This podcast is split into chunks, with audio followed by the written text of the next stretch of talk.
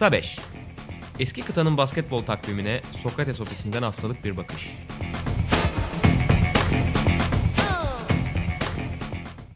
Merhabalar, Sokrates'in Euroleague Podcast'i Kısa 5'in yeni bölümüne hoş geldiniz. Teknik aksaklıklardan ötürü birazcık geciktik ama sonunda bir kez daha kayıt masasına oturduk. Ben Buğra Balaban, sevgili Utkan Şahin'le beraber bu bölümde yeni sizlerle birlikte olacağız. Utkan hoş geldin. Hoş bulduk abi, nasılsın? İyiyim valla ne olsun yavaş yavaş sıkılma katsayısı artıyor tabii ama yapacak bir şey yok. Beklemeye devam. Sen ne yapıyorsun? Senin başın biraz sınavlarla meşgul bu ara. Ee, bu sene okulu vermeye niyet ettim. Ee, Fırsattan istifade ediyorsunuz her şey durmuşken. Evet ve işte bu hafta full sınavlarla uğraşıyordum işte. Bu arada bir kayıt yapalım dedik. Normalde yaptık aslında kayıt da benim benim yüzümden çöp oldu kayıt. Estağfurullah. Bilgisayar bizi teknoloji e, hayal kırıklığına uğrattı ama bu kez daha sağlıklı bir kayıt olacak diye umuyoruz bakalım. İnşallah. Ee, senle karantina sürecinin başında konuşurken aslında en heyecanlandığımız konulardan bir tanesi Euroleague finallerini şöyle parça parça konuşalım demiştik. Bugün de o kayıtların ilkini yapacağız. 2001-2005 dönemi arasındaki finalleri üst üste konuşacağız. Çok uzun tabii vakit olmadığı için her finali konuşmaya başlayalım arzu edersen. 2001 ile açılışı yapacağız. Hı hı. 2001'in tabii diğer yıllardan farkı playoff formatıyla finalin oynanması. 5 maç üzerinden bir seri olarak finalin oynanması. O dönem tabii Super Lig ve Euroleague ayrımının yapılması, bazı takımların öbür tarafta olması falan epey çetrefilli bir yıl. Sonrasında 2002'den itibaren aslında bugün alışık olduğumuz o düzene doğru geçeceğiz yavaş yavaş ama yine de o yıl iki önemli takım karşı karşıya geliyor. Kinder Bologna ki 90'ların e, sonuyla beraber aslında ağırlığını koymuş bir takımdan bahsediyoruz Avrupa basketboluna ve Tau Ceramik aslında 2000'lere damga vuracak yeni yeni özellikle gençliğin etrafında kurulmuş bir takım ve 5. maça giden bir seri. Son maç ev sahibi avantajı Kinder Bologna'nın elinde ve 82-74 ile gülen Kinder Bologna olacak. O takımı ve 3 kartlı sistemi biraz konuşarak başlarız herhalde. Öyle pas atayım sana. Ettore Messina'nın e, oluşturduğu Marco Yaric, Manu Ginobili ve Antoine Rigaud üçlüsü. Evet yani Messi'nin imza hareketlerinden bir tanesi bildiğin gibi 3 kart. Ee, o takım özellikle ve yani zaten maça baktığımızda da bu üçlü yani Ginobili, Rigodu ve Yaric üçlüsü toplamda 50 sayı e, ile oynamış ki işte 82'nin 50 sayısı oldukça iyi bir oranlama. E, ma- maçı domine ediyorlar. Aslında iki takım guardlar arasında çok büyük fark olduğunu maçı hemen biraz başında anlıyorsunuz. Evet karşı tarafta Elmer Meyet gibi iyi bir guard var ama bir tarafta bir, bir kişi, diğer tarafta üç kişilik büyük bir farklılık var iki takım arasında ve e, ev sahibi olmanın verdiği avantaj ve işte o şampiyonluğu istemenin getirdiği avantaj da bence biraz rahat bir şekilde Kinder maçı kazanıyor orada. Evet yani fark çok ciddi e, görünmüyor belki ama maçın geneline baktığında işte o üçüncü çeyrekteki hafif geri dönüşü saymazsak eğer e, ipler bayağı Kinder Bologna'nın elinde aslında. Hı. Tabii Bologna için Sasha Danilovic'in emekli olduğu sene olduğunun notunu düşmek gerekiyor. 98 şampiyonluğunun önemli bir parçası Sasha Danilovic. Onsuz ilk senede yine zirveye çıkabilmek önemli. Bir diğer satır başı tam bu 5 maçlık serinin ortasında oynamak zorunda oldukları İtalya Kupası şu anda olduğu gibi işte Şubat ayına geçirilmiş değil takvimde kupa maçları o dönem ve İtalya'da Kinder Bologna bir de arada 3 maçlık o tempoya girmek durumunda kalıyor. Joao Lucas'ın podcastında bahsetmişti Messina. O dönem hatta kendisi de çok emin değilmiş yani hem o tarafa eğilip hem de Euroleague finaline nasıl odaklanabilecekleri konusunda ve biraz kararı oyunculara bırakmış. Hatta ilk turda da çeyrek finalde biraz zorlandıkları bir maçın sonunda yola devam ediyorlar ama sonrasında takım ipleri eline alıyor ve üçlemeyi tamamlayacak zaten. Önce kupayı alacaklar. Sonrasında da Euroleague finalindeki kalan maçları kazanıp yola devam edecekler. Kinder Bolonya'da 3 karttan bahsettik. Bir de tabii Rashard Griffith'i analım. Türkiye'de özellikle Tofaş'ta bıraktığı etkiyle çok iyi hatırlanır Griffith ve Kinder Bolonya'da da tam bir dev hakikaten. Yani maçın başında toplar hep ona iniyor zaten. Ve karşıda Victor Alexander gibi saygı duyulan bir uzun olmasına rağmen Tau Ceramica'da epey eziyor Rashard Griffith. Evet yani sonrasında Euroleague kariyeri gene bir sene sonra Kinder'de gene final oynayacak ama bence o kadar üst düzey gitmedi Rashard Griffith'in ama Hı-hı. o sene gerçekten e, Final Four'daki o maçta yani işte son maç olmakla beraber pot altta büyük bir üstünlük kuruyor Baskone'ye karşı. Ve maçın işte X faktörlerinden bir tanesi, önemli değişkenlerinden bir tanesi oluyor Griffith. Ki yanlış hatırlamıyorsam bir yıl önce Tofaş'ta lig şampiyonluğunu kazanmıştı işte. Meşhur o şampiyonluk üst üste. Benim dikkatimi çeken şeylerden bir tanesi maça dair. E, sen de fark etmişsindir Luis Scola'nın harika imajı. yani mükemmel bir imajı var. O bıyıklı hafif böyle e, saçlar kısa. Bu western filmlerinden çıkma gibi bir hali var ki Avrupa kariyerinin sonrasında basketbol geliştiği gibi imaj değişimi de olarak da önemli adımlar atmış kendisi. Sadece tabii imaj olarak değil basketbol olarak da o dönem bir hayli gerisinde bildiğimiz evet. Skola'nın onu söyleyelim ya. Finalin o stresiyle de olsa gerek. Daha çok genç bir oyuncu tabii ki. Epey rahat topları da kaçırıyor maç içerisinde. Onu da anmak gerekiyor. Elmer Bennett'tan sen biraz bahsettin. Onu bir parantez açalım. Aslında o da epey tutuk başlıyor. Yani maçı 24 sayıyla tamamlayacak. İkinci yarıda çok daha etkili olacak Bennett ama özellikle erken aldığı iki faul biraz dengeleri bozuyor. Üzerine üstlük e, şut ritmini de ikinci yarının sonuna kadar pek bulamıyor Elmer Bennett. Hal böyleyken hücum opsiyonları epey tıkanıyor Seramika'nın. Stombergas'ı yine anmak gerekiyor. Daha Seramika'nın özel şutörü Litvanyalı. E, o da yalnızca 3 sayıyla tamamlayacak. Hem faal probleminden ötürü hem de şut ritmini bulamamasından ötürü. Onu savunmakta iyi iş çıkarıyor. Kinder Bologna ki o yıl %50'nin e, üzerindeydi yanılmıyorsam şut yüzdesi yayın gerisinden Stombergas'ın. E, sık sık ona kurulmuş hücumlar görüyoruz Duško Ivanovic tarafından ama istediğini alamıyor. Bir diğer parantezde belki Laurent Foyres de açabiliriz. Fransız Stuttgart. O da ilk maçta mesela kazanırken tavu maçı Bolonya'da çalarlarken 20 sayıyla oynayan bir oyuncuydu ama o da yine final 5. maçında pek ortalarda görünmüyor doğrusu. Evet yani genel olarak kötü bir maç çıkartıyor. Yani Bennett'ın ikinci, üçüncü çeyrekteki o rüzgarı dışında biraz da belki Fabrizio Oberto'yu söyleyebiliriz iyi maç oynayan Evet doğru söylüyorsun. Onun işte Barcelona şey yapamıyor. Yani Tyson Mika o finalin o 5. maç ağırlığını koyamıyor ki o şey de gözüküyor biraz. Aslında hep konuşulan bir şey vardır Euroleague'de yıllardır sen de bilirsin. İşte e, Final Four yerine playoff atmosferinde oynansın maçlar. Hmm. Beşinci maçta bir playoff ortamındaki maçın neler değiştirebileceğini ev sahibi açısından görüyoruz aslında. Yani e, gerçekten ateşli bir İtalyan taraftarı görüyoruz maçta. Bununla birlikte aslında onun cevabı oluyor ama şöyle de bir durum var açık konuşmak gerekirse. O, o sene Avrupa basketbolun ikiye ayrılmış olması yani bir tarafta Super bir tarafta Euroleague olarak ayrılmış olması kaliteyi büyük oranda düşürüyor ve yani Teosolimika normal şartlar altında bence e, diğer takımlar Euroleague'de olsaydı final oynayacak bir takım değil o kadro kalitesi açısından konuşmak gerekirse. Çünkü e, biraz bir iki kademe falan aşağıda kalıyorlar gerçekten.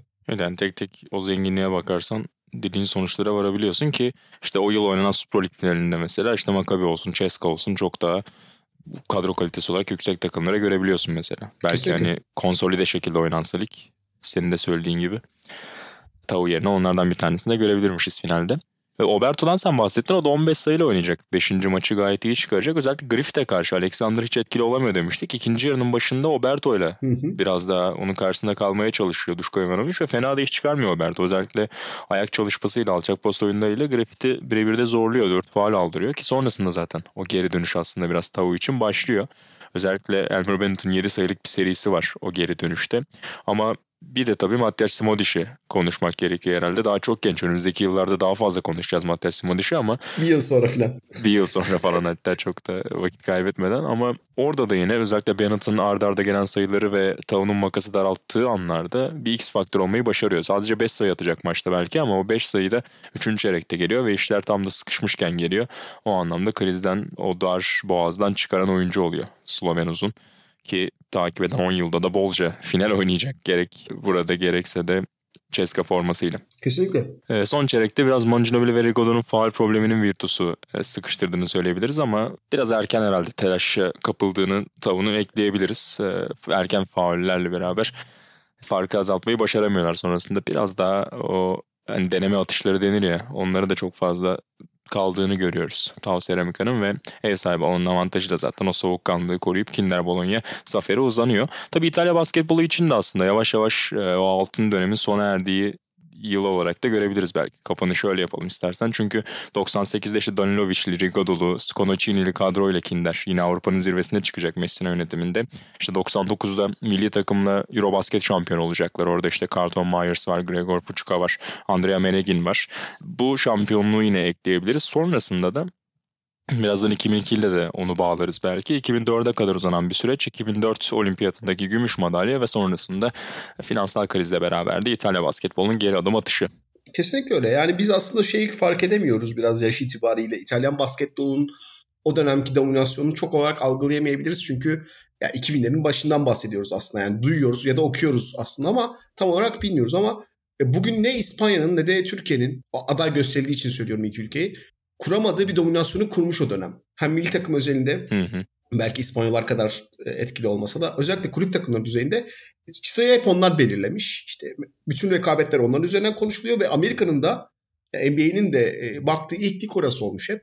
O bildiğin gibi o ekonomik değişim rüzgarı onları bu sahneden siliyor. Aslında çok değil 20 yıl önce zirvede onlar vardı.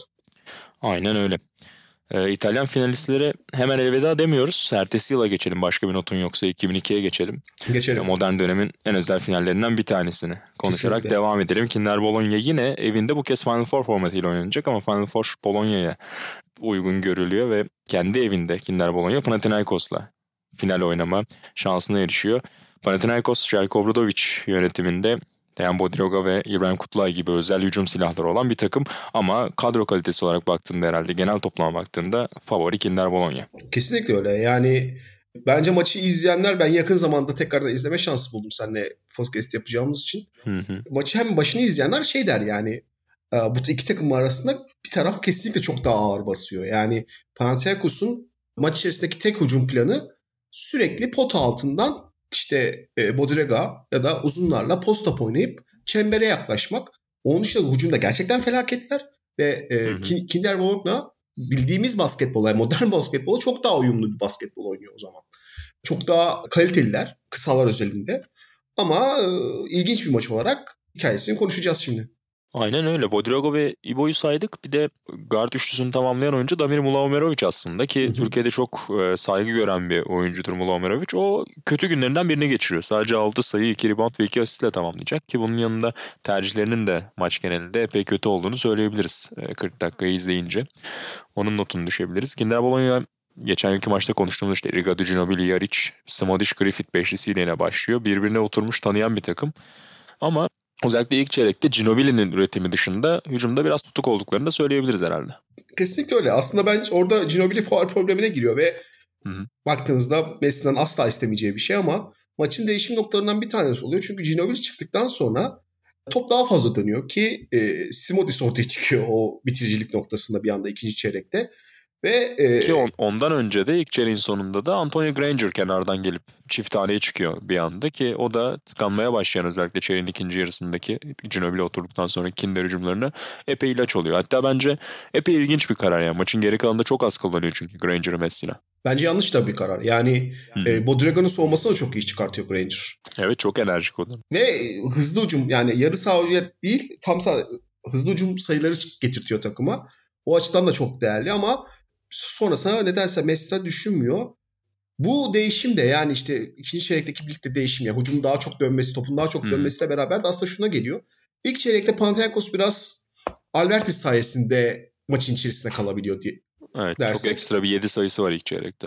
İkinci çeyrekte zaten hücum iyice düşüyor Panathinaikos'a ve bir anda oyun tamamıyla Bologna'ya dönüyor. Yani e, o, o hücum şeyle beraber Panathinaikos'a düşüşü gelince şey diyorsun ikinci çeyreğin ortasında. Evet yani Virtus buradan maçı götürür. Özellikle Daryl Middleton'a alacak posta inen çok fazla top var ikinci çeyreğin başında ve birçoğu da top kaybıyla sonuçlanıyor. Ee, Middleton'ı bu arada tanıyor izleyenler hatırlayacaktır. Ceska Bencin'de bir süredir görmeye alışıyoruz onu takım elbisesiyle. O dönemin kısa uzunu şeklinde tanımlayabiliriz herhalde. Epey boy olarak Griffith'e göre dezavantajlı ama özellikle ilk çeyrekte bence savunmasında epey iyi iş çıkarıyor. Önünden almaya çalışıyor Griffith falan. Ama ikinci çeyrekte özellikle hücumda da hatalar yapmaya başlayınca Panathinaikos adına biraz eksi yazmaya başlıyor. Ve biraz fazla kiloları yüzünden e, şeyden düşmüş olabilir yani çünkü çok net kilo fazlası var orada. E, yaşı da var. Ondan dolayı belki maçın devamında düşmüş olabilir. Yani aslında şeyi çok net bir şekilde anlatabiliriz belki. Panathinaikos ilk yarıda sadece 5 üçlük denemesi yapıyor. Bu sürede Virtus'un 6 tane üçlük isabeti var. Yani oynamaya çalıştıkları basketbolun ne kadar farklı olduğunu buradan görebiliriz belki. Ki yani daha demin de söylediğim gibi Panathinaikos sürekli pot altına işi yıkmaya çalışıyor. Normal şartlar altında iki takımın uzun rotasyonunu eşleştirdiğimizde yani taraf tarafsız herkes e, Virtus'unkini tercih eder. Çünkü yani ne bileyim işte Rashad Griffith'i var, e, bench'ten gelen David Anderson'ı var, işte e, Simodis'i var, var olsu var. Ama Simodis'i bir kenara koyarsak büyük bir üstünlük sağlıyor Panathinaikos bu konuda ki bence maçın kırılma noktalarından bir tanesi de o üstünlüğü kurmuş olmalı. Bu üçüncü çeyrekte bol bol konuşacağız zaten. Hiç şüphesiz. Oraya doğru geçerken Smodish'i kenara bırakmadan onu da analım. Özellikle ikinci çeyreğin tartışmasız yıldızı herhalde. Çeyreğin henüz ortalarına gelirken eline gelen iki tane e, üçlük pozisyonda hiç etrafına bakmadan müthiş bir özgüvenle onları tak tak yolluyor yayın gerisinden. Ki 23 yaşında olduğunu söyleyelim o dönem Smodish'in. Hemen akabinde de e, benim çok sevdiğim o Halit Uruiyesini dışarıya çok iyi yansıtıyor ve ayrı attığı şuttan sonra böyle çığlıklar atarcasına yumruğunu savurarak epey orada izleyiciyi de işin içine katmaya çalışıyor Smodish. Müthiş bir ateş saçıyor dışarıya. Onun da yaktığı ateşle beraber 43-29'a kadar getiriyor skoru. Hı hı. İlk yarının sonlarına doğru Kinder Bologna ve dümene geçtiğini söylüyor. Gösteriyor orada. Obradovic o meşhur molasını alıyor. Yani hep konuşulan yıllardır anlatılan o molasını alıyor. Ve molada şey diyor yani biz bu maçı ilk yarı tek ilk yarı tek hanelerde bitirirsek biz bu maçı alırız diyor. Radikal bir söylem bence çünkü hiç oyunu öyle değil. Ee, ama Hı-hı. takım buna bir e, şey gösteriyor, reaksiyon gösteriyor ve İbrahim'den gelen o 5 ve birebir üzerinden geliyor. Yani öyle planlı evet, evet. bir hücum şeyi de değil. Önce alçak posttan bir tane birebir oynuyor sonra dış atış ve bir fark bir anda 8'e iniyor. Ve aslında istediğini almış oluyor. Kesinlikle. O ilk yarının sonu itibariyle Jelko Obradovic. İlk yarının sonunda parkeye adım atan Lazaros Papadopoulos e, ikinci yarıya da ilk beşte başlıyor ve olanlar oluyor diyelim herhalde Panathinaikos adına. Evet kendisi adına yıllarca sürecek kontrat şenliği başlıyor. Yani e, bir maçta kariyerini kuruyor adam. Bütün maçı değiştiriyor Lazaros. Yani e, o potu altındaki asıl bahsettiğim daha demin bahsetmeye çalıştığım üstünü o getiriyor ve e, bir anda bu, bu potu altını parçalıyor. Oyunun bütün üstünü değiştiriyor. Aynı tarafta Virtus de hücumda o ilk yarıdaki o akışkanlığı gene bulamıyor. Çünkü hiç üçlük sokamıyorlar bu sefer ve bir anda oyun bu sefer Panathinaikos'a kaymaya başlıyor. Aynen öyle. O dönüşüm esnasında tabii iki tane faal problemine gelen oyuncunun da payı olduğunu söyleyebiliriz. Smodish yine aslında üçüncü çeyreğe iyi başlıyor ama biraz kolay bir faulle üçlüyor. Sonra Ginobili yine üçlüyor. Rigado dörtlüyor. O esnada da Rigado aynen öyle yine faal problemine giriyor. Tüm bunlar olurken bir yandan Papadopoulos sadece hücumda o alçak posta ayak oyunlarıyla değil hem öyle de Griffith'i atlatıyor. Bir yandan da savunmasında da müthiş iş çıkarıyor Rashard Griffith'in. O da yine e, çünkü ne olursa olsun evet 3 guard yönetiyor o takım belki ama özellikle çeyrek başlarında yine de genelde o topun içeriye indiğini görüyoruz Polonya'da ki hani biraz daha oradan Griffith'in üzerinden dışarıya çıkacak paslarla eksik yakalama rakip savunmayı planı var. Çünkü ikili sıkıştırma getiriyor Panathinaikos.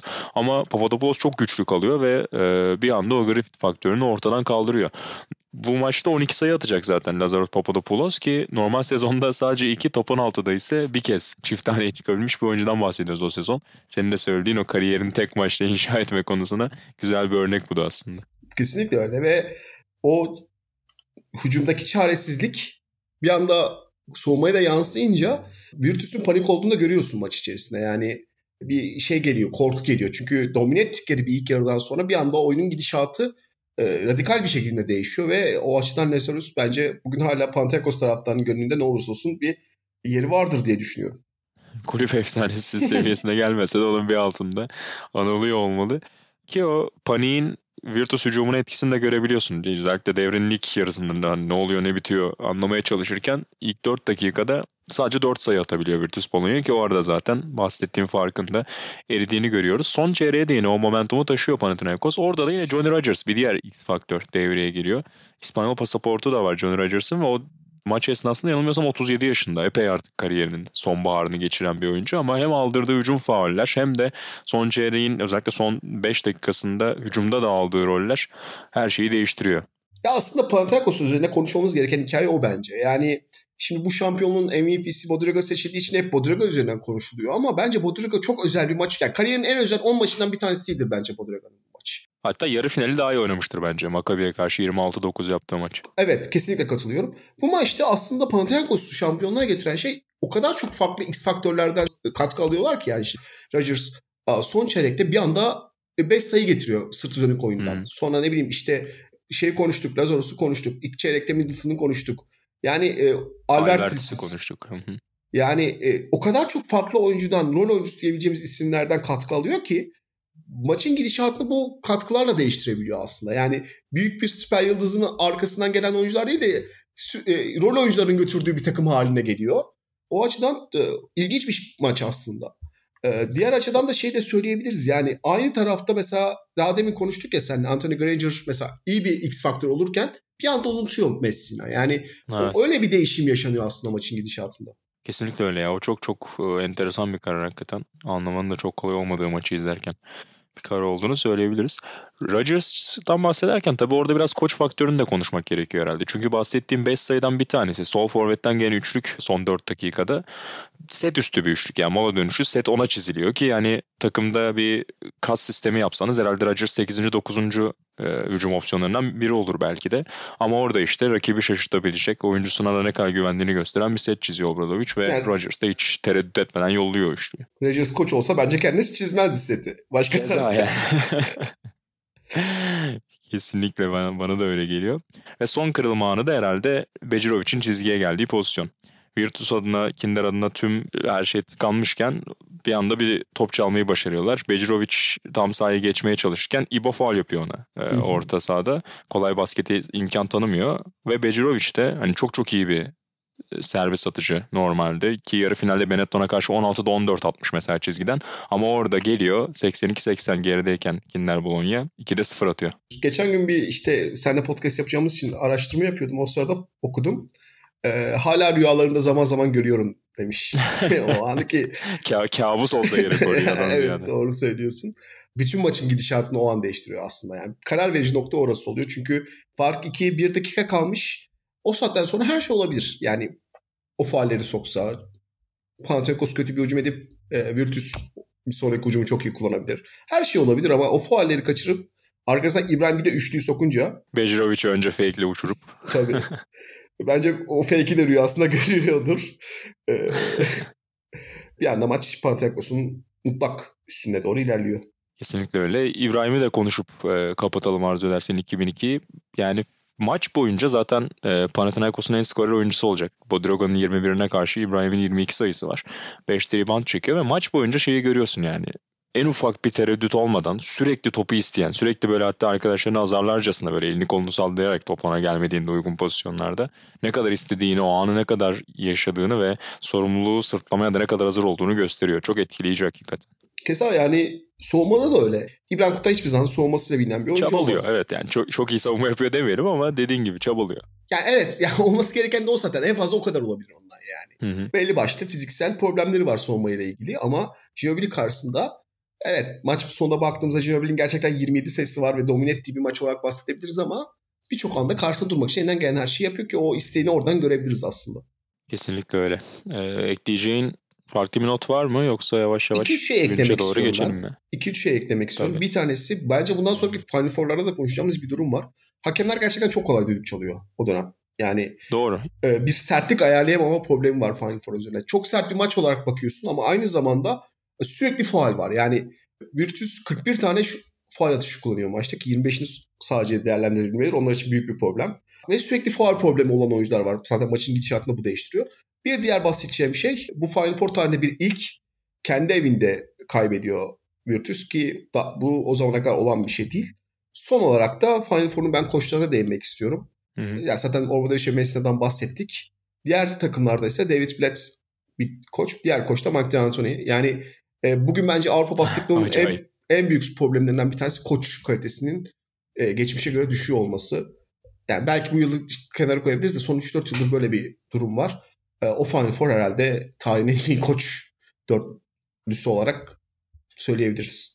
Çok doğru ki hala aslında birçok takımın o 20 yıl önceki, 23 yıl önceki koçlara dönüp medet umduğunu görüyoruz. İşte bu sezon ortasında Duşko Ivanovic hamlesini Baskonya'nın böyle yorumlayabiliriz. Ya da orada işte Final Four oynayan Obradovic olsun, Messina olsun hala parmakla gösterilen koçlarından e, ligin. Yani yeni kan anlamında bu dönemde koç tarafında özellikle çok tıkandığını ve patinaj yaptığını görüyoruz ligin. Belki önümüzdeki dönemde oradan da yeni bir kaynak açılmasını bekleyebiliriz. Evet umarız ya.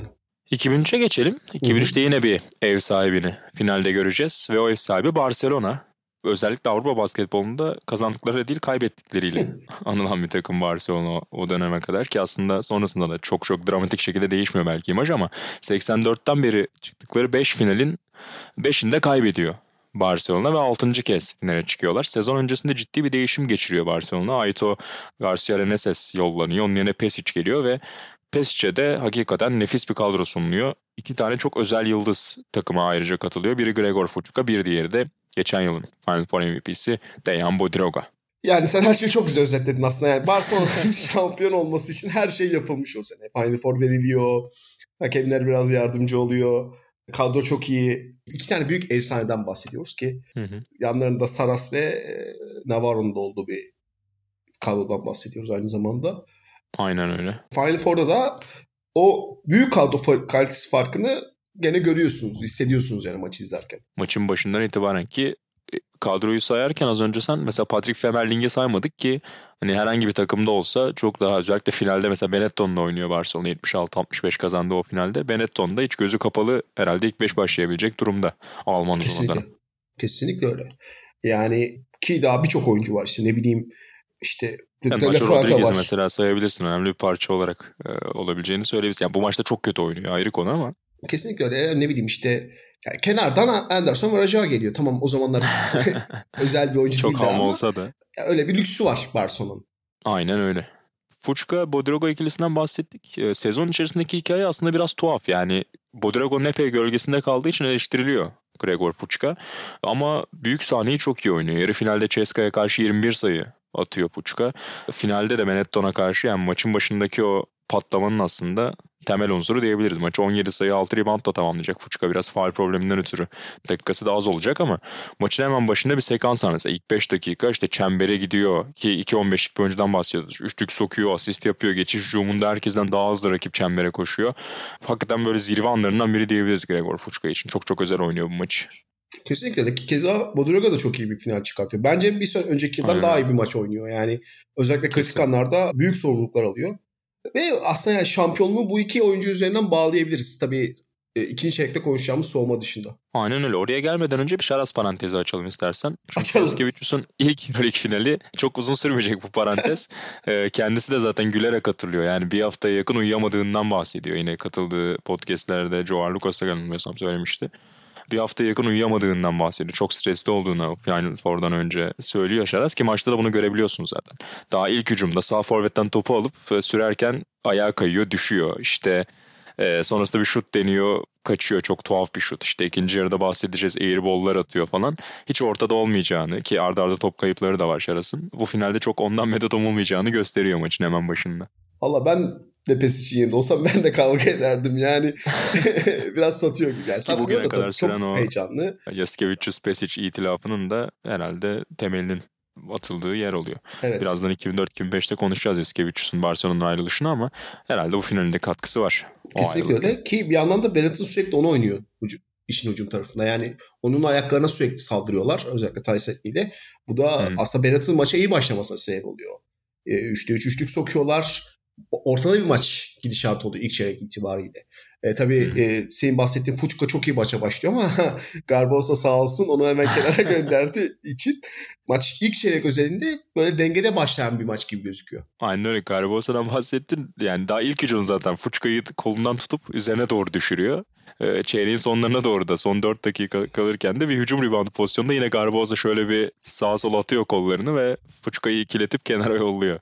Ki zaten fizik olarak gü- güreşmeleri mümkün değil yani. Garbosa, Marco Nata ve Marcelo Nicola dörtlüsüyle, düzeltiyorum üçlüsüyle pota altını dolaştırıyor Messi'ne o rotasyonda ve epey kısalar hakikaten Barcelona'nın uzunlarına karşı. Ya bizi dinleyenler bilir. iki hafta önce seninle bir kadro seçmiştik Euroleague tarihinin efsanelerinden. Sen e, Fuçka'yı almıştın. Ya, keşke karşısına Garbosa'yı alsaymışım. Gerçekten çok çok iyi bir eklem olurmuş.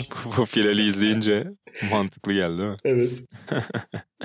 Tyce Eddie'den bahsettim. Maçın da bence en iyilerinden bir tanesi zaten. Benetton'un en skoreri olacak. 16 sayı 5 asist de yapacak aynı zamanda. Özellikle onun sürati kısa savunmasında zorluyor biraz Barcelona'yı ama özellikle Katalan savunmasının ikinci çeyrekte maçı kopardığını söyleyebiliriz herhalde.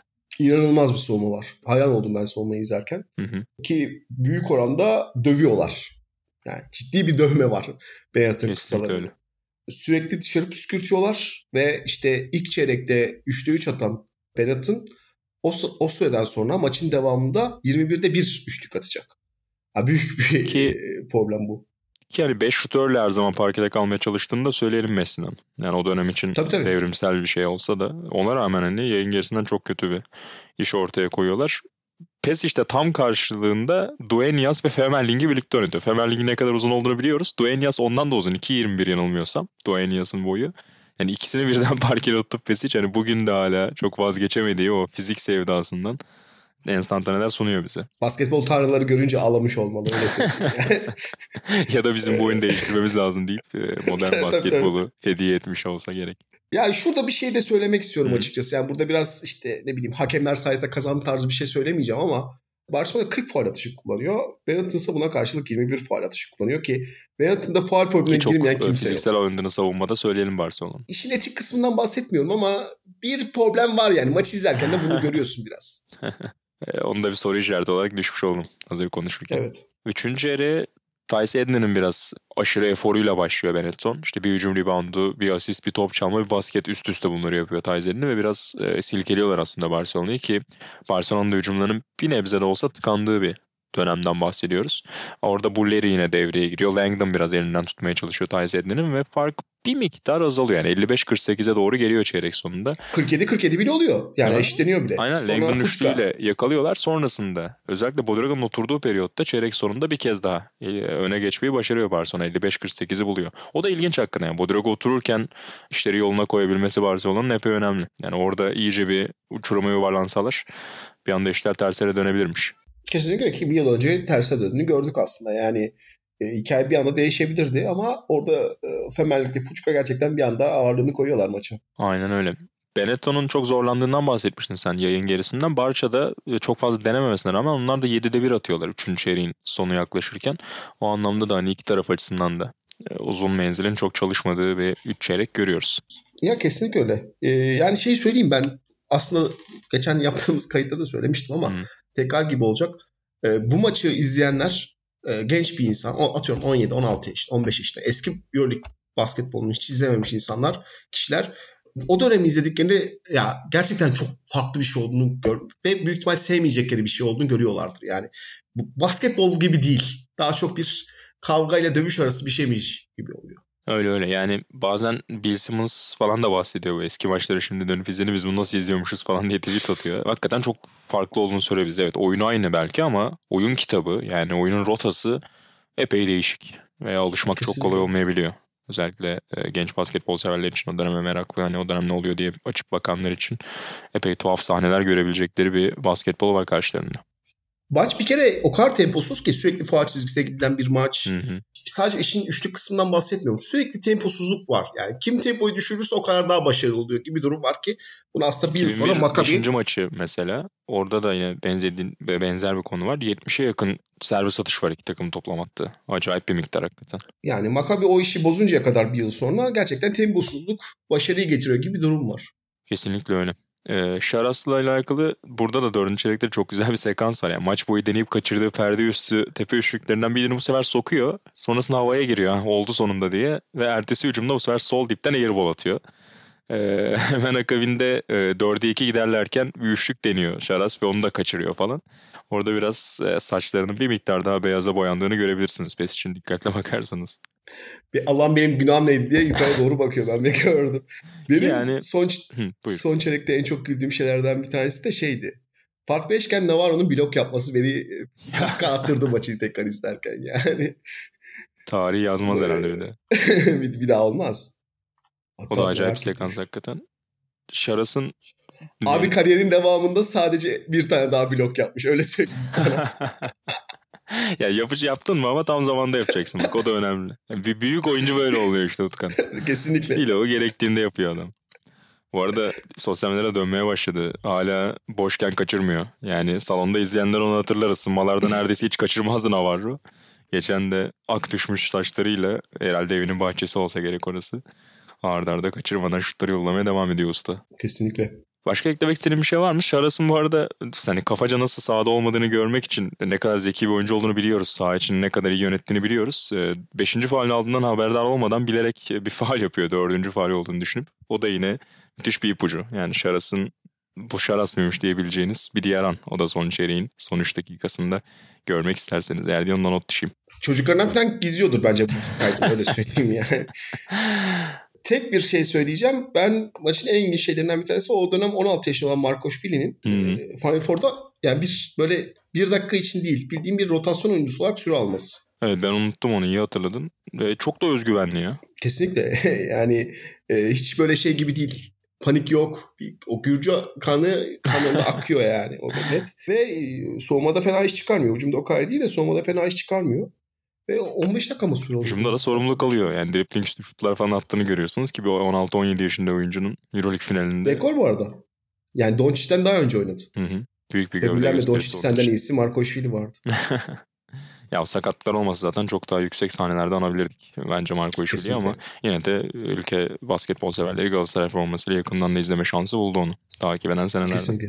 O CSK transferi onun çok talihsiz oldu o açıdan ya. Yani çok mantıklı bir Zamansız transfer de oldu. sağlıklı kalamadı. Kesinlikle öyle. Son notum da benim e, Ergin Ataman notu olacak bu arada. Onu da atlamayalım. O da Siena yönetiminde işte Ceska, Benetton ve Barcelona ile beraber Final Four'u tamamlayan takım oluyor ki sezon başında hiç beklenen bir şey değil aslında. Siena'nın Final Four yapması. O dönemde Ergin Ataman yine özgüvenli açıklamalarından birini yapıyor sene başında ve birçok basın mensubu tarafından da alay edilen bir açıklama oluyor aslında.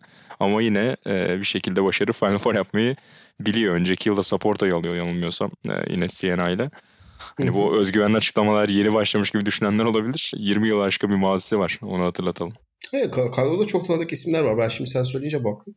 İşte zaten Mirsat var. Tabii? Mirsat orada. Ee, Stefano var. İşte Karşıyaka'da başlamıştı galiba Stefano ilk.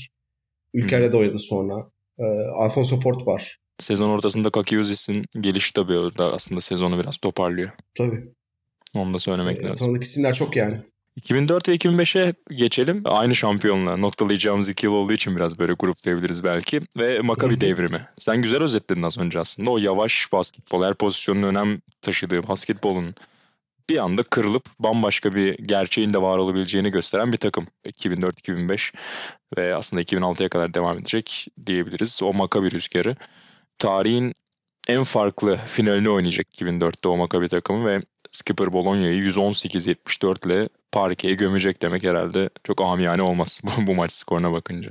Kesinlikle öyle ki bence maçın neden öyle olduğu da çok net bir örneği var. İlk çeyreğin sonunda zaten yani Maccabi maçı domine ediyor. O an fişi çekmek üzereler. Hı hı. Çeyreğin bitimine 1.5 saniye kala kenardan topu çıkartıyorlar. Kendi sahalarına yakıp yapıyorlar. Top çıkartıyorlar ve e, David Blue bomboş bir şekilde üçlük sokuyor. Yani 1.5 saniye kala Euroleague Final Four'u bomboş üçlük. Bunlar çok gördüğümüz şeyler değil yani ki sonrasında o diğer şeyin oyuncularının yüz ifadelerine baktığımızda ne kadar mutsuz olduklarını da görebiliyorsunuz. Yani Tabii tabii direkt a- ambele olmuş durumda zaten. Skipper. Kesinlikle öyle.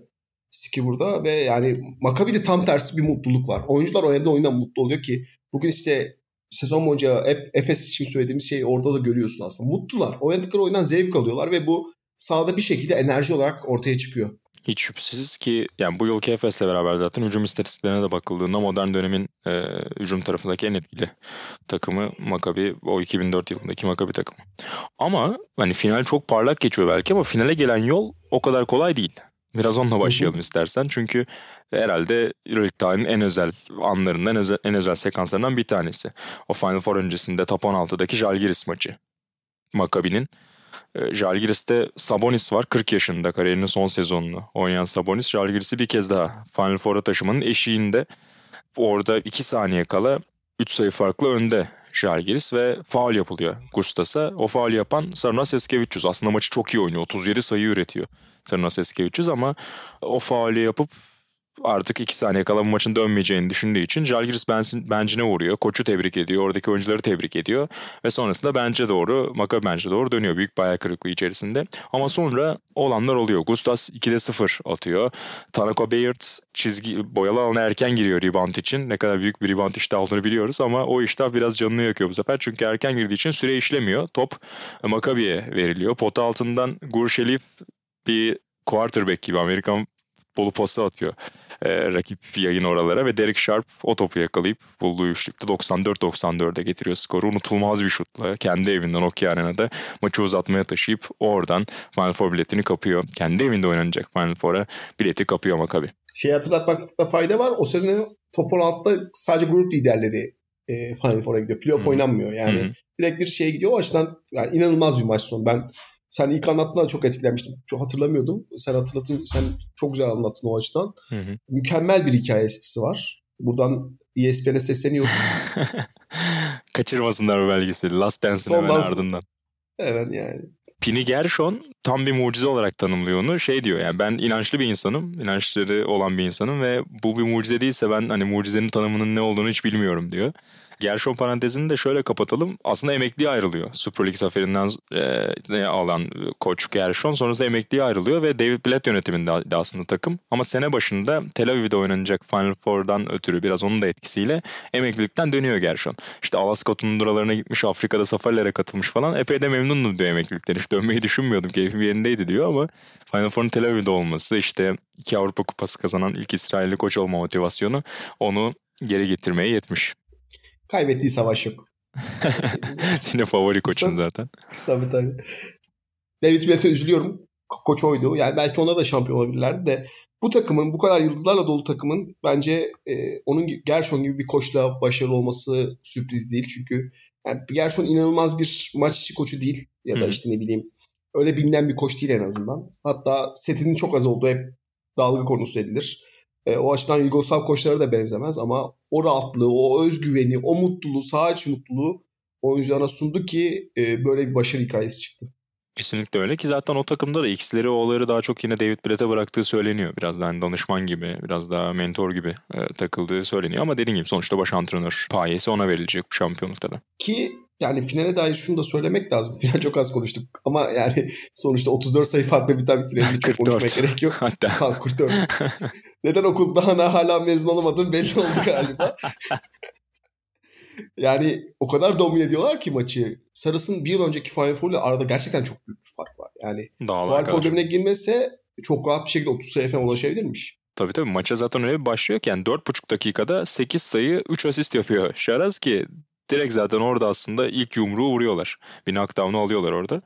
Ee, zaten daha 7 dakika kala ilk çeyrekte Yasmin Repesa bir mola oluyor ama tabii en ideal koça da sahip değil skipper. Onu da söylemek lazım. O molalar çok büyük bir katkı yapmıyor. Repesa'nın da daha kazandığı savaş yok. Öyle söyleyebiliriz. Kesinlikle öyle. Şaras'tan bahsettik. David Blue hatta o dönemki adıyla David Blutenthal kenardan gelip çok iyi katkı veriyor. Sen az önce andın ve 20 sayı atacak. Ee, Anthony Parker'ı tabii söylemedik ama maçın en skoreri olacak. Zaten Sharon faal probleminden ötürü biraz daha yük ona kalacak ve 21 sayı 4 rebound 3 asiste Anthony Parker Final Four MVP'liğine gidecek. Tal Burstein yine müthiş bir maç çıkarıyor bu arada. 17 sayı, 10 rebound, 6 asist. Çok çok iyi bir tamamlayıcı olduğunu görüyorsun. Seninle hep konuşuyoruz yani 3 numara havuzu çok daraldı son yıllarda ligde ama o dönem çok özel 3 numaralar var. Tal Burstein de onlardan bir tanesi şüphesiz. Kesinlikle öyle. Yani e, yani çok fazla o kadar çok ne, ne bileyim işte Nikola Vucic'i konuşmuyoruz maç üzerinde. Çünkü ya da Boston bir sene sonra belki Final Four şampiyonluğu en önemli isimlerinden bir tanesi olacak ama ya, o kadar çok kişiden katkı alıyorlar ki Derek Sharp hmm. 9 sayı yani 12 dakikada çok iyi. Ben şeyle ilgili e, Anthony Parker'la ilgili şey ekleyeceğim sadece. Geçen sene Larkin kırıncaya kadar Final Four'da en çok bir Final Four toplamında en çok verimlilik puanı üreten oyuncu oydu. Böyle Ki, ilginç bir notu satmış olayım. Ondan beri de zaten e, MVP ödülünü alan bir Amerikalı yok Euroleague'de. O dönem hakikaten çok başka bir seviyede görülüyordu Anthony Parker hatırlıyorum yani çocukluğumuzda başka bir efsane gibi hatırlanıyordu. Hatta Amerika o dönem 2004-2006'da milli takımda problemler yaşarken uluslararası turnuvalarda hani acaba FIBA basketboluna daha yatkın oraya aşina oyunculardan işte katkı mı alınsa Anthony Parker'da kadroya mı dahil edilse gibi tartışmalar vardı. Ki NBA gibi hani bu konuda çok daha muhafazakar olan bir yapı için ne kadar büyük bir e, isme sahip olduğunu gösteriyor Anthony Parker o anlamda da. Onu da sen iyi hatırlattın dediğin gibi. Başka ekleyebileceğimiz ne var diye şöyle bakıyorum. Anthony Parker'ın bence... tabii atletizmiyle beraber o yaptığı smaçlarda Gershon'un bir taraftar gibi kenarda coşması çok eğlenceli. Onu da görebilirler. Ki son 4-5 dakika bayağı marş söylüyor kenar zıplayarak yaşına başına bakmadan taraftarlara katılıyor. Orası çok enteresan. Çok eğlenceli bir karakter ya gerçekten. Çok seviyorum kendisini. Hiç şüphesiz öyle. Skipper'da Miloš Vujanic biraz ayakta kalmaya çalışıyor. 21 sayı üretiyor ama genelde zaten maç o kadar erken kopuyor ki yani o sayıların da çok fazla etkisi olduğunu göremiyoruz. Yarı finalin yıldızı Carlos Delfino pek ortada yok. En büyük ayak kırıklığını o olarak sayabiliriz. Bir de tabii yarı finali de uzatma oynuyor Siena'ya karşı. Skipper Bologna ve onun biraz etkisiyle bir yorgun geldiklerini de söyleyelim. Yani belki o ayağa kalkamamanın, hiç reaksiyon verememenin etkilerinden bir tanesi de o uzatmanın getirdiği yorgunluk olabilir. Kesinlikle öyle. Yani dediğim gibi hiçbir inançları yok maça dair. Ben onu da hissediyorsun. İlk çeyrekten belli oluyor ve devamlı da hep öyle gidiyor arkasından ki işte Carlos Delfino ilk, yarı, ilk yarı final maçının yıldızıydı. O sönük bir maç çıkartıyor. Simodisic ortada yok. Ee, Gianluca Basile kendi standartlarının çok altında bir maç oynuyor. Yani dediğim gibi tek Uyonic e, biraz ayakta kal- kalabiliyor. Ki o da zaten aslında sayılarını üretmeye ikinci çeyrekte başlıyor ve zaten ikinci çeyrekte maç bayağı kopmuş durumda 31-13'lük ilk çeyreğin ardından. Kesinlikle. 2005'e geçelim o zaman. Bu büyülü Geçelim. finalin ardından Maccabi bir kez daha sezonun son gününe, son maçına gelmeyi başarıyor. Ve aynı beşle bu kez Tao Ceramica'nın karşısına dikiliyor. Tao Ceramica Duško Ivanović yönetiminde o dönemler Final Four'a artık yavaş yavaş gediklisi olmaya başlamış bir takım ve e, 2001'in aksine çok daha oturmuş, çok daha hazır bir yıldızları var. O da Luis Scola. Yani boş turnikelerde bile e, zorlanmaya yüz tuttuğunu gördüğümüz 2001'in ardından ne kadar geliştiğini o birkaç yıl içerisinde gösteren bir final oynuyor Luis Scola. 21 sayı, Saçları 9 uzuyor. rebound, 4 asist. Evet saçları da değişiyor. Senin altını çizmeyi sevdiğim bir konu o da. Scola'nın saçları. Yani yazık etmiş kendine öyle söyleyeyim. Gençliğinde biraz o beni şey yaptı. Güldürdü. Her gördüğümde gülüyorum yani öyle söyleyeyim. Final Four Moskova'da yine de salonun çok büyük bir kısmının sarıya boyandığını görebiliyoruz. O da tabii Maccabi'nin ne kadar büyük bir kültüre sahip olduğunu gösteriyor Avrupa basketbolunda. O güzel. Bir önemli konu da finale geçmeden tabii Ceska'yı yenip Tao Ceramica'nın finale gelmesi. Çünkü Ceska sezon başından beri en büyük favori hiç şüphesiz. Dušan Ivković yönetiminde 34 yıl sonra ilk şampiyonluğunu arıyorlar ve tıpkı hani Barcelona gibi aslında kendi evindeki Final Four'da biraz hani artık bu da Ceska'nın yılı gibi e, konuşulan bir yıl içerisinde. Saha içerisinde de 21-1. aynen öyle çok iyi oynamışlarken Tao'ya takılıyorlar. Kesinlikle 21 birler. Yani gidişat orada aslında Taosormika bozuyor. Bütün sene beklenti Maccabi ile CSK'nın fi- finalini görmek ki bundan sonraki yıllarda da hep bunu göreceğiz. Aslında bir dönemin başlangıcının o olması bekleniyor. Ama Taosormika orada büyük bir sürpriz yapıyor ki şeyi de söylemek lazım. Normal sezonda çok kötü soğumaları sebebiyle e, son maçta çıkabiliyor Taosormika. O da ikili avaraj sayesinde çıkabiliyor. Yani belki hikaye orada bitecekti ve işte ne bileyim CSK evindeki o finale çıkabilecekti ama e, oradan hikayeyi oradan getirip CSK'yı elemeye başlıyorlar. Maccabi için de şunu söylememiz lazım. Final Four'a 92.9 sayı ortalaması da geliyorlar. yani neden e, tarihin en iyi takımlarından bir tanesi olduğunu galiba bu açıklıyor. Ya Avrupa basketbolu için özellikle o dönemki Avrupa basketbolu için hakikaten akıl almaz bir istatistik. Maçın başına damga vuran oyuncu bu kez ne Yaskevicius ne de e, Anthony Parker bana kalırsa Matteo Baston. Yani hem hücumda katkı veriyor ama özellikle de savunmada ki maçı zaten 18 sayıyla tamamlayacak Matteo Baston ama savunmada hakikaten karartıyor ortalığı. Acayip bir Hı hı. e, çeyrek çıkarıyor Baston. E, 7 sayı mı atmıştı? Sen daha Evet evet yani ilk notları ama yarıda zaten 7 sayısını atıyor. Bir de onun yanında yani bloklar, e, rakibi bozduğu, topu çaldığı pozisyonlar müthiş bir başlangıç. Onun hakikaten hakkı biraz az veriliyor. Yani sonra herhalde yani çok uzun süre oynamamasının da etkisi var Baston'un belki ama orası için çok fazlaydı. Kesinlikle NBA'ye gitmesi yanlış bir kararmış bence o açıdan. Üzüldüm yani daha doğrusu. Yanlış bir karar demeyeyim de ben keşke Avrupa'da kalsaymış. E, dönüşünde zaten galiba işte Kiev'e gidiyor. Yani da- daha düşük takımlarda oynuyor. Hı hı. O maçta gerçekten büyük bir X faktör oluyor. Yani ki bu iş işte o açıdan üç işte o açıdan çok iyi uyumlular. E, birbirini çok iyi tamamlıyorlar. Ve alçak posttan o yardım soğuması o çok iyi cezalandırıyor sürekli atletizmiyle. O açıdan büyük bir fark yaratıyor. Orada çember savunmasına katkı verirken tabii Baston'un elini rahatlatan konulardan bir tanesi de Tao Ceramica'nın 5 numarası Cornel David. E, Macar uzun. Onun şutunu hep riske ediyorlar. Yani hücum tarafını çok konuşuyoruz Maccabi'nin ama savunmada da çok iyi bir stratejiyle çıktıklarını söyleyelim. Sadece 4 sayı atacak zaten David o maçta ve onu riske ederek yani onun şutunu sürekli zorlayarak e, Tao hücumlarını da verimsizleştirmeyi başarıyor Maccabi. Özellikle ilk çeyrekte. E yani Barcelona'nın şöyle bir problemi var maç içerisinde izleyenler hatırlar. E, ilk yarıda 13 ko- top kaybı yapıyorlar. Bu Hmm. mesela bir Panathinaikos'a karşı bunu yapsanız bu kadar canınızı yakmayabilir ama Maccabi'ye karşı sürekli top kaybı yapıp e, onlara işte daha hızlı hücum fırsatı verdiğiniz zaman e, Maccabi bunu acımasız bir şekilde cezalandırır ki e, 9'da 7 üçlük atıyorlar e, ilk yarıda. Fauller olmasa gerçekten Baskona'nın yani Tassonica'nın maçta kazak hali yok. Biraz fauller onları o maç içerisinde tutuyor. Aynen öyle. Ee, X faktörleri 2002'de çok konuşmuştuk. Burada da yine çok kendine münhasır bir e, X faktörümüz var. Maccabi'de Hı hı. Nestoras Komatos. E, Yanis'ten önceki ilk Afro Yunan'ı, Yunan takımlarının. İlk pozisyonda da topu alınca sağ forvette hiç düşünmeden üçlüyü yolluyor. İşte sonrasında sezonun geri kalan istatistiklerine baktım. Sadece üç üçlük sokabilmiş. O yüzden biraz riske ediyor aslında onu Tau savunması. Hani mantıklı diyebilirsiniz. Sezonun geri kalanına 8 üçlük bulabilmiş bir e, oyuncuyu ama tek maça 3 tane sığdıracak Yunan uzun. Ee, çift haneye çıktığı da mesela e, o finalden önce tek bir maç var koca sezonda. Aslında skor anlamında iyi bir oyuncu ama kadro o kadar zengin ki Maccabi'den çok fazla fırsat olmuyor. Daha öncesinde Aris'le Yunan Ligi'nde en skorer oyuncu olmuşluğu var mesela Komatos'un. İşte o sezon zaten Yunan kupasını kazanıp MVP oluyor ve sonrasında zaten Maccabi'ye geliyor. Ama finalin açıkça X faktör oluyor yani arda arda üçlükler arda arda sayılar hem ilk çeyreğin sonu hem ikinci çeyreğin başında oynadığı 6 dakikada 8 sayı bulmayı başarıyor Komatos. Maçın tamamında 13 sayı 3 reboundla tamamlayacak. Yani e, ben ilk izlediğimde hatırlayamadım oyuncuyu ve şey dedim ya kim bu ya dedim. Böyle bir oyuncu hatta ilk başta Yunan olduğunu e, Yunan pasaportuna sahip olduğunu Euroleague'den görünce uzun süre düşündüm böyle. Gerçekten hiç aklımda hafızamda kalmamış ama e, yani çok büyük bir maçın değişkeni olduğunu söyleyebiliriz. Çok çok acayip hakikaten izlerken o özgüveni etmek. Ki zaten 13 sayısında ilk yarıda atıyor onu söyleyelim. İkinci yarıda biraz daha savunmada yaptıklarıyla e, devreye girecek. O top kayıpları tabii Tau aleyhine ciddi bir e, yara açıyor. Fark da orada zaten 30-16'yı falan buluyor. Biraz Prigioni Calderon ikilisinin savunmada da çok parlak olmaması Makabi'nin sık sık penetre üstü şutlarla hücumu rahatlatmasına yardımcı oluyor. Hı hı, kesinlikle öyle. Yani aslında 3. çeyrekteki o soğuma değişik, değişikliğine kadar oyunu domine etmek açısından yani fark o kadar büyük açılmıyor ama oyun domine etmek açısından Makabi e, büyük bir e, mesaj veriyor. Aynen öyle ve ipler genelde Saras'ın kontrolünde onu da söyleyelim. 9'da 7 üçlükle tamamladığı ilk yarının ardından Makabi rahat görünüyor ama 3. yarının başında işler biraz daha değişiyor. Tavu çok daha iyi başlıyor. İşte farkı indirme şansını buluyorlar.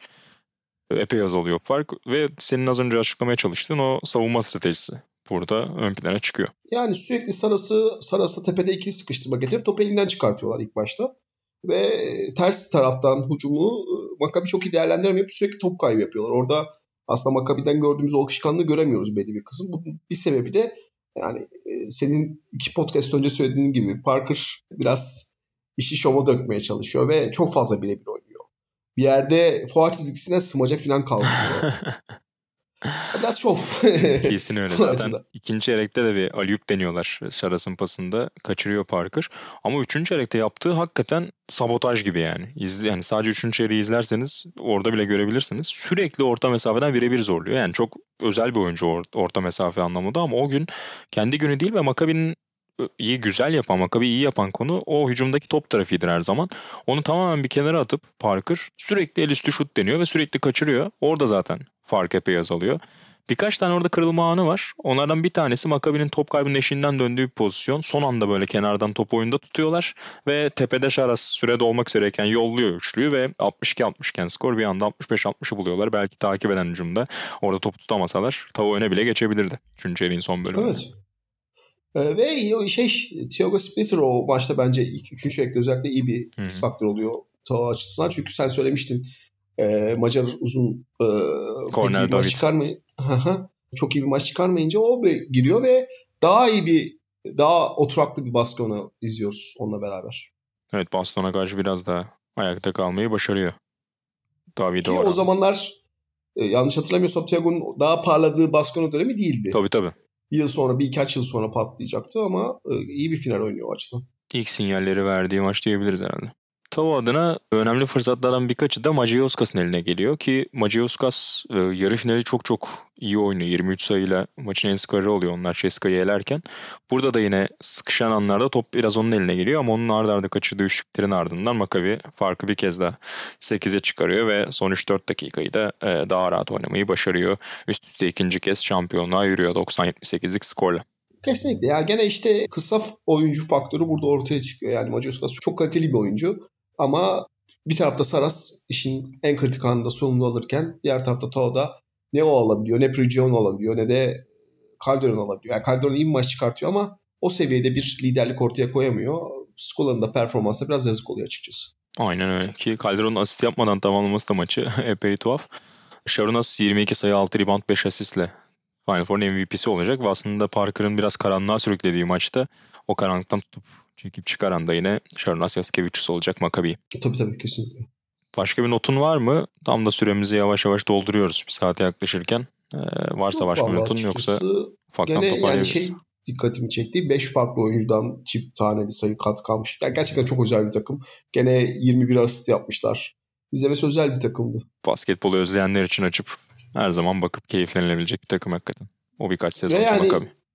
Saras o sene sonra bence gereksiz olan NBA tercihini yapmamış olsa o efsane şey takımını geçebilirlerdi bence yani. Üst üste üç kere şampiyon olabilirlermiş gibi geliyor bana. Geliyor yani. Aynen öyle ki zaten önümüzdeki podcast'te konuşacağız. Şarasız da Maccabi'nin yolculuğu bir miktar daha devam edecek. Ertesi yıl süren o finalle beraber. Hı hı. Bu bölümde biraz da e, ilk kısmını Modern Euroleague'in konuştuk. E, 2006'dan sonrasında 2006-2009'u biraz daha Ceska, Panathinaikos, Messina, Obradovic rekabetinin kızıştığı yılları e, konuşacağız Utkan'la beraber. E, ağzına sağlık Utkan. Senin abi. Çok keyifli oldu valla. Dinlediğiniz için teşekkür ederiz. Önümüzdeki haftalarda da karantina üzülacağı benziyor. Hazır e, yüzümüze tamamen geçmişe dönmüşken e, geçmiş Euroleague finallerini konuşmaya devam edeceğiz. Yeniden buluşmak üzere. Hoşçakalın. Hoşçakalın.